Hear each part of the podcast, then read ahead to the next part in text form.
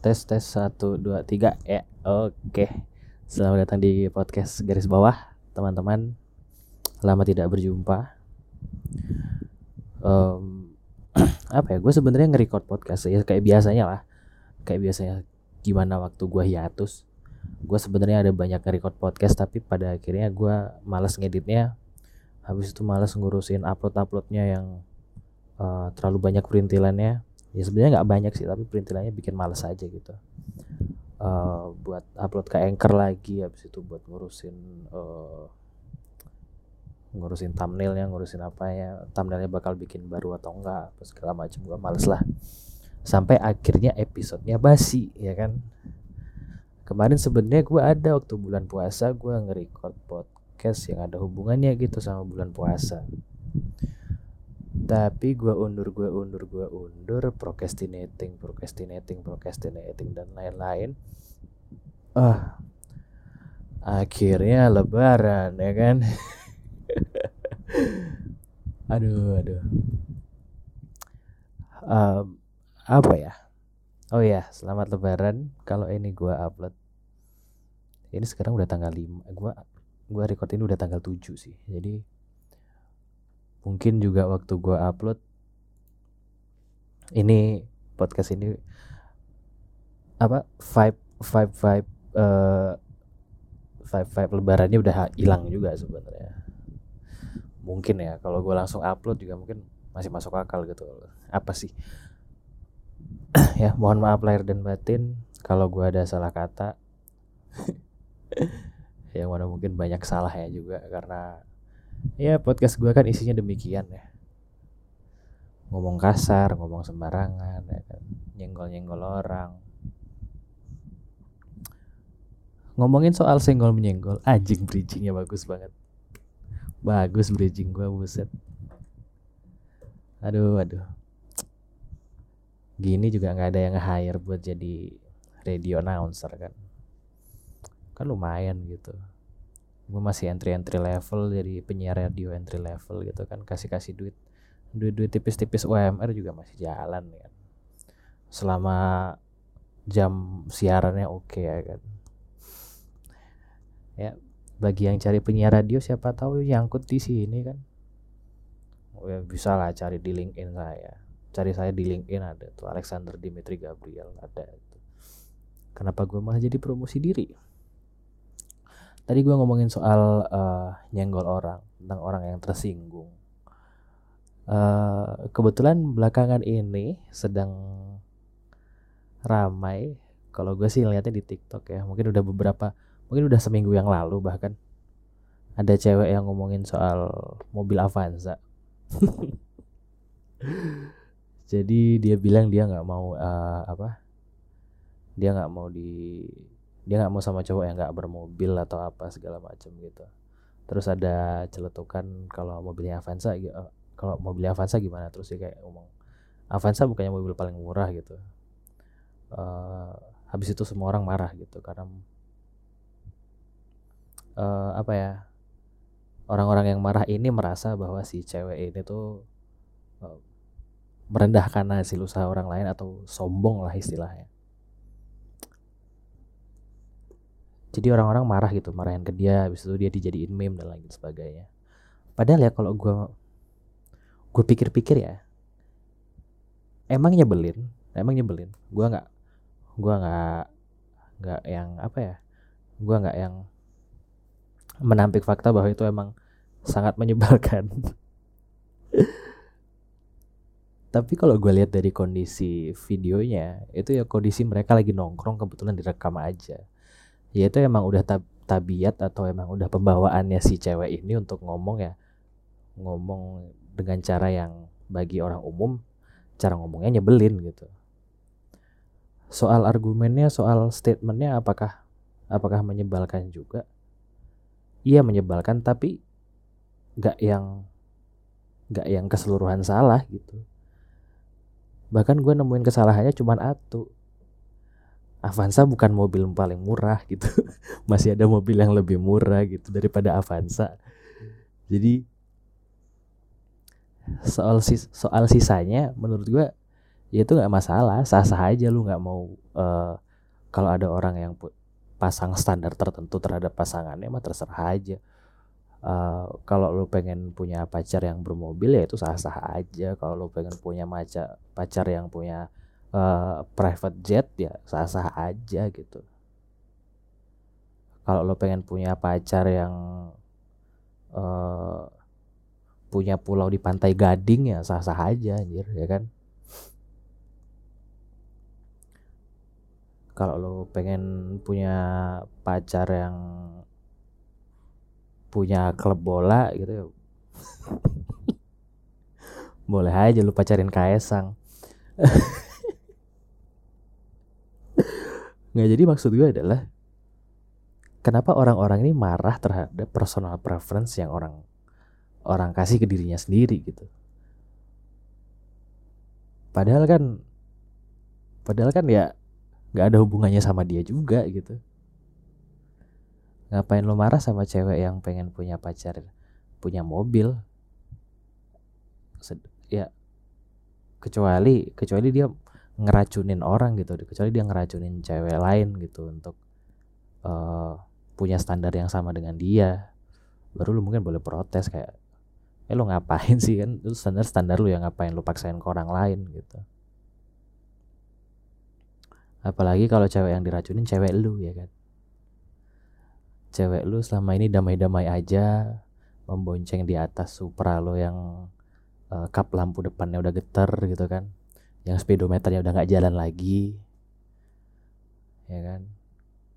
Habis itu yang apa? Yang jarum penanda itu loh jarum penanda bensin lo udah ya agak kurang akurat lah ya kan? Selama ini sah -sah, eh, selama ini aman-aman aja gitu kalian berpacaran terus ada cewek lain datang terus dia bilang lo kok mau sih sama ini eh, coba motornya Supra Getek gini? Uh, punya cowok itu harus yang bermobil lagi gini gini nah baru lo marahin itu perempuan ya kan? Tapi kalau dia cuma menjelaskan personal preference-nya doang dia cuma ngomongin soal apa yang dia mau dari calon pasangan atau mungkin pasangannya nanti di masa depan ya lu ngapain marah apakah anda ingin menjadi pasangan si mbak ini? Habis itu bilang ngaca dong loh. Ngaca dong gimana? Yang namanya punya cita-cita kan terserah ya. Kan susah juga gitu kalau apa-apa harus ngaca. Kalau punya standar harus ngaca dulu. Punya stand maksudnya punya cita-cita punya standar yang realistis itu lebih baik tapi punya standar yang gak realistis juga bukannya salah gitu.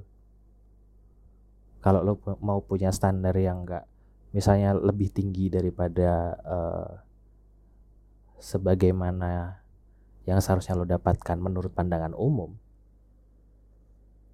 ya lo boleh aja berharap akan hal itu. Tapi as long as lo siap aja terima konsekuensinya kalau nggak kejadian gitu kan misalnya gue nih umur 20 umur 20 tiga masih bikin podcast yang nggak menghasilkan uang ini. Tapi gue punya cita-cita umur 30 nanti gue pengen jadi kayak Elon Musk gitu.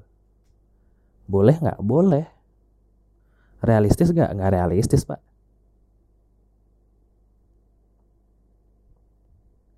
Ya kan? Maksudnya dari gue yang sekarang habis itu pengen punya network ratusan triliun ratusan miliar dolar ya kan? Boleh nggak? Boleh.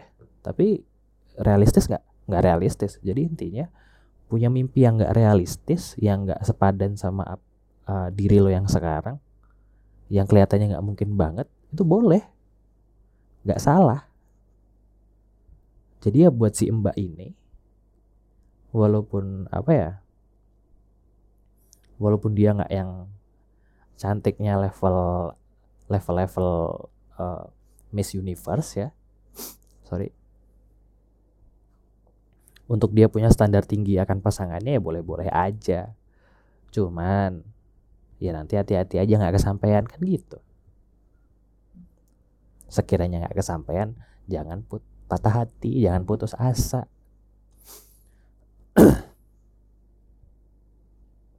kenapa netizen yang marah gitu kan? Kenapa ngamuk-ngamuk banget?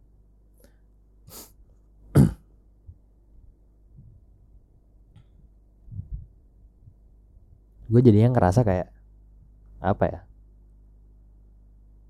Bahkan standar kita untuk cari pasangan pun diatur gitu sama netizen lucunya adalah ini berarti uh, standar kita yang kita taruhkan ke diri kita sendiri itu bisa nyinggung orang. Padahal nggak ada hubungannya sama mereka kepikiran gak sih? Kayak konyol banget anjing.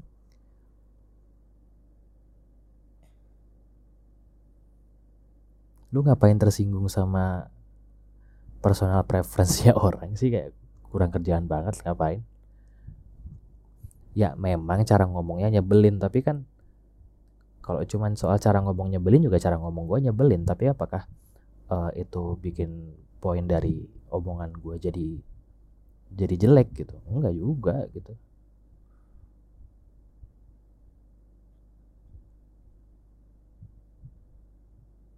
Apalagi juga itu kan kayak kayak yang gue bilang tadi ya itu kan cuman mereka lagi nongkrong main ngobrol bareng. Habis itu uh, somehow direkam. Yang mana gue juga nggak paham kenapa anak zaman sekarang suka banget kayak gitu. Tiba-tiba ngerekam obrolan dan masukin jadi konten. Tapi ya ya udah gitu. Itu cuma obrolan nongkrongan mereka aja. Kalau nyebelin ya ya udah. Emang emang kayaknya bentukannya dia kayak gitu gitu. Bentukan cara ngomongnya dia kayak gitu nggak ada yang perlu dipermasalahin sebenarnya. Ya cuman gimana ya?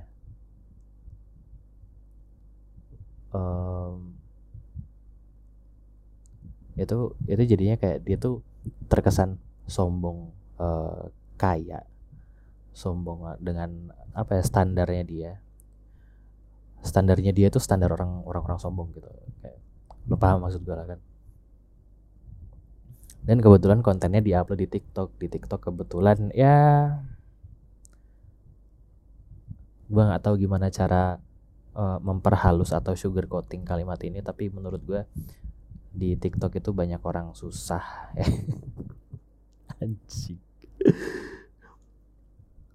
Nggak maksudnya uh, eh, netizen netizen TikTok yang suka komen, suka nyinyir, suka uh, suka memberikan respon yang uh, respon yang bombastis terhadap sebuah uh, account atau sebuah konten itu kalau lo buka profilnya biasanya ya mereka bukan dari keluarga yang mampu gitu. Jadi uh, most of the time di komen di komen orang di TikTok itu orang marah-marah bukan karena bukan karena orang yang dimarahin beneran salah tapi mungkin karena egonya kesenggol aja gitu. Maksudnya lu bisa lu bisa pahami lah gitu gimana gimana ceritanya uh, orang yang hidup hidup ngontrak sana sini tinggal di kontrakan kumuh uh, living paycheck to paycheck itu pun disambil ngutang uh, terus kebetulan dia buka HP terus ada uh, terus waktu dia buka HP dia buka TikTok dia lihat ada seorang cewek yang bilang Innova mobil murah gitu. Bisa bisa dibayangin gitu gimana gimana kesenggolnya ego mereka gitu. Di TikTok banyak orang-orang yang sampai mereka meninggal juga Innova nggak bakal kebeli gitu walaupun mereka udah kerja tiap bulan gitu. Jadi bisa dibayang bisa dibayangin gimana kesenggolnya ego mereka gitu.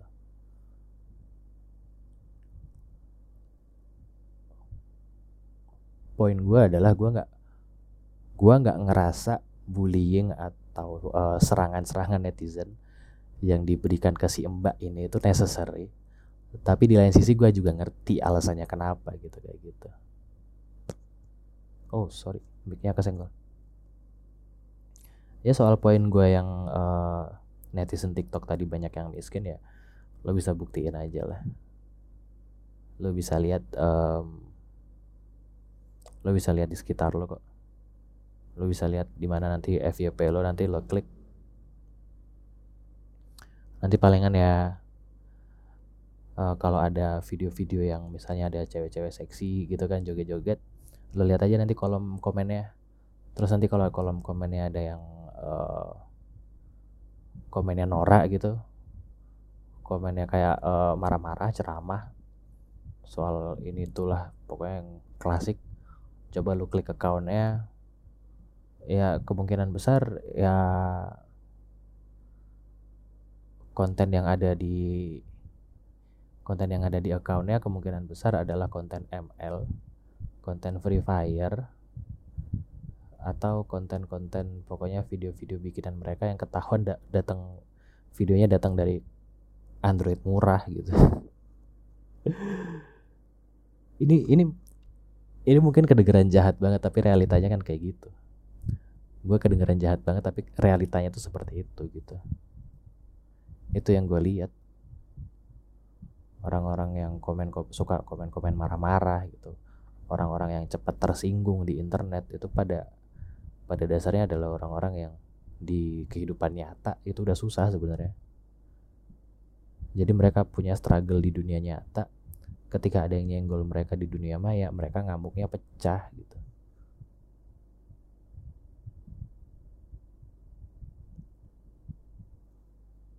Sejauh gue menyalahkan si netizen netizen ini untuk menyerang si Mbak Songong ini. Tapi sejauh itu juga gue paham sama alasan kenapa mereka ngamuk sih.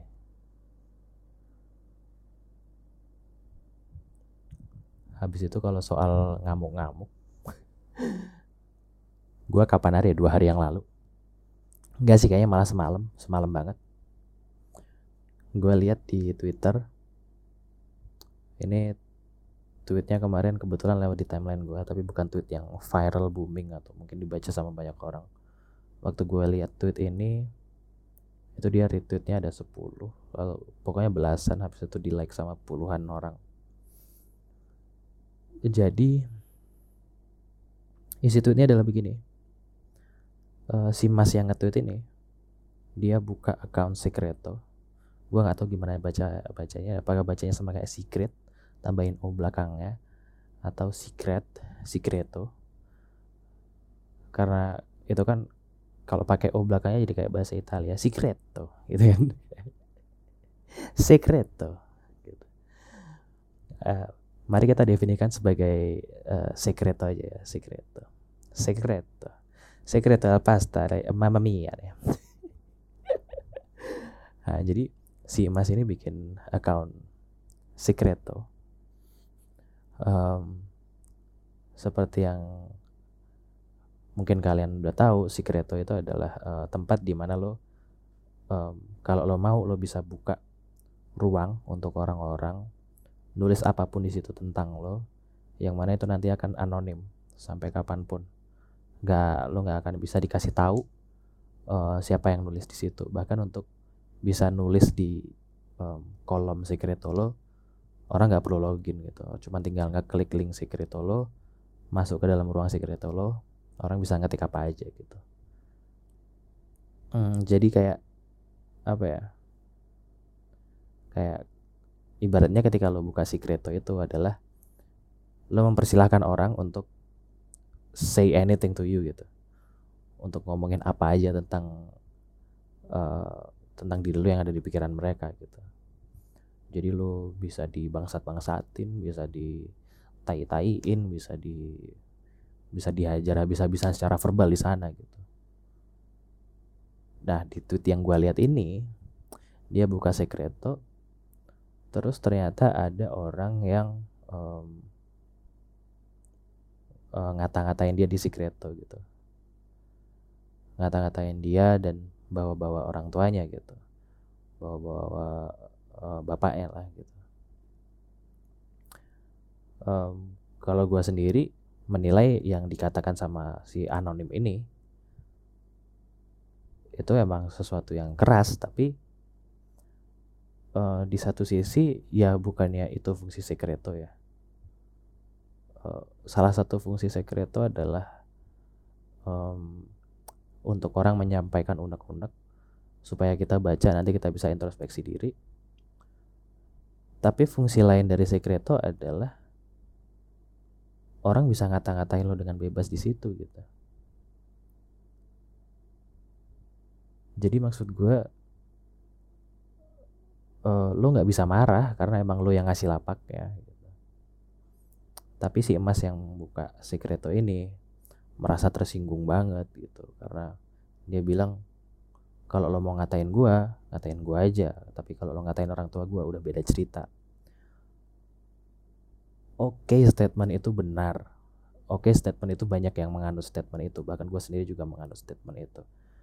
Um, kalau lo mau hina gue hina gue aja. Tapi kalau lo sampai hina keluarga gue um, things will get different gitu. Gue mungkin bisa marah gitu.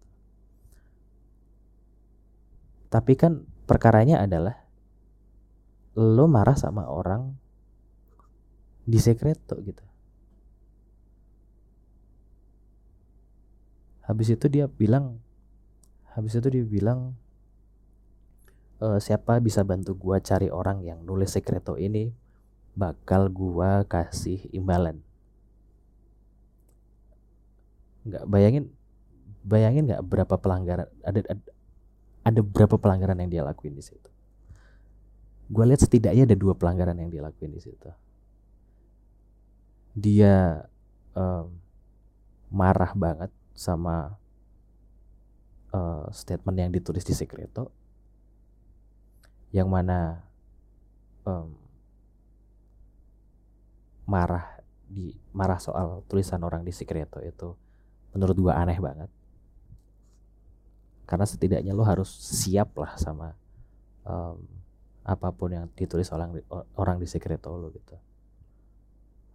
Karena itu lo kayak ngasih lapak. Kayak ngasih lapak buat lo dipukulin gitu. Tersinggung tersinggung gara-gara tulisan orang di sekreto itu kayak lo lo datang ke tengah-tengah lapangan gitu kan ke tengah-tengah lapangan sekolah sekolah lain gitu tengah-tengah lapangan STM gitu. Terus lo bilang di tengah-tengah gitu di lapangan itu ada anak-anak STM juga lo bilang ya deh lo boleh siapa aja boleh mukulin gue enggak nggak akan marah santai pukulin aja pukulin aja.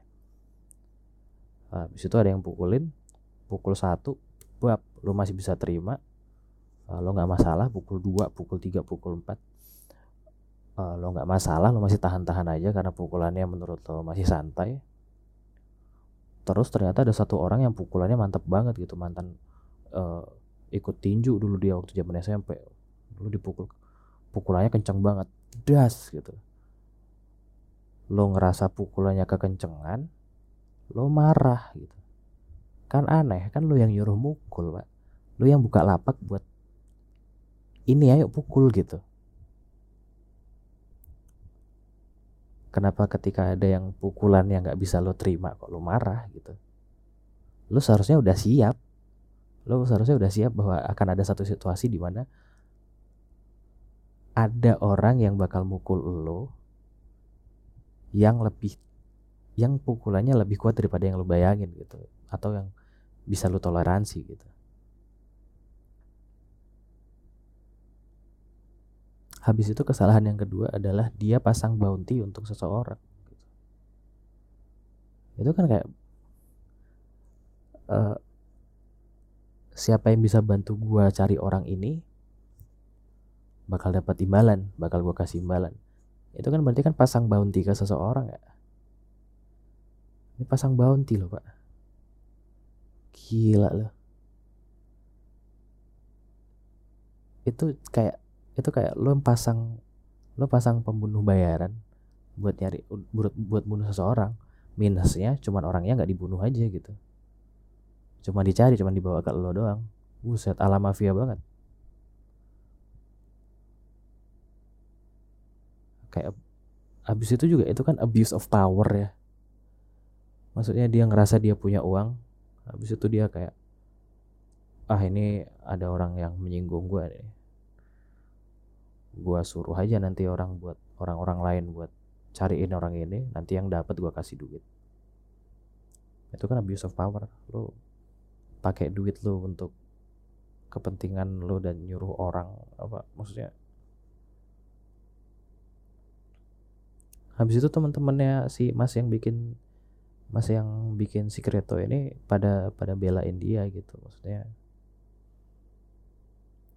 wah ya dicari aja gitu. Wah ya oh, wah kebangetan ini apa segala macam wah cupu banget berani di sekreto bukan di DM lah sekarang fungsinya sekreto dia buka apa? Kan dia yang buka sekreto ya. Maksudnya gue juga kalau mau ngatain orang ternyata orangnya buka sekreto yang mending gue katain di sekreto biar dia nggak dia tahu sekalian gue kalau kalau gue yang ngatain dia gitu bukan karena gue takut bukan karena gue cupu tapi karena gue males sama efek uh, efek sampingnya nanti gitu.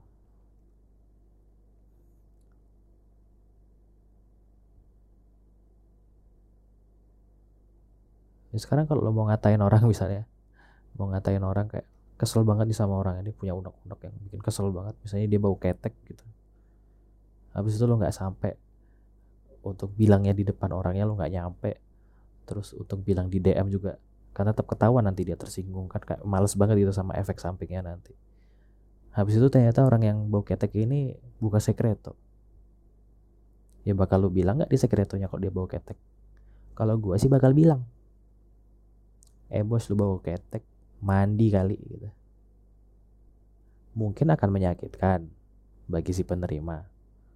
Tapi kan itu fungsinya sekreto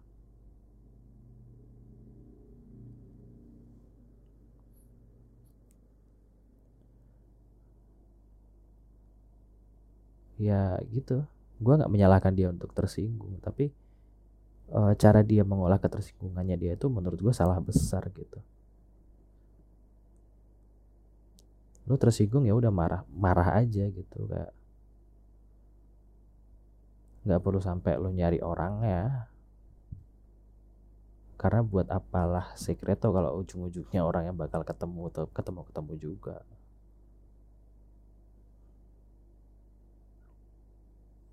dan kalau belum siap mental ya nggak usah bikin sekreto lah. Kalau belum siap untuk dicaci maki dihina diinjek-injek dipukulin secara verbal jangan buka sekreto pak. Lo buka lo buka twitter aja di follow follow akun-akun bokep udah. Itu malah bikin asik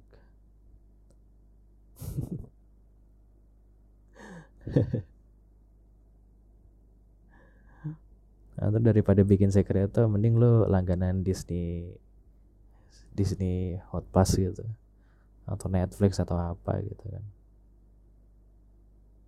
Daripada nerima caci maki orang-orang di sekreto kan mending lo nonton Peaky terus kayak lo nonton apa kayak nonton anime kayak One Piece tuh lo maratonin anjing. Nggak akan punya waktu lo buat ngap buat ngeladenin orang-orang rese di sekreto. Nggak akan kepikiran lu bikin sekreto sumpah. Maraton aja One Piece mulai dari sekarang. Kalau udah kalau udah nonton lagi gimana bang? Ya ulang lagi. Cari Easter egg Easter egg gitu. Cari foreshadowingnya udah gitu kan nanti kayak siapa tahu kan siapa tahu lo udah dapat lo kalau lo teliti satu-satu gitu kan episodenya gitu tiap arc lo lo teliti lagi. Mana tahu udah ada foreshadowingnya udah tentang uh, hito hitonomi kan sejak dari zaman sebelum ketemu relik mana tahu kan kan lo bisa jadi keren banget gitu di tongkrongan yang sama-sama nonton One Piece.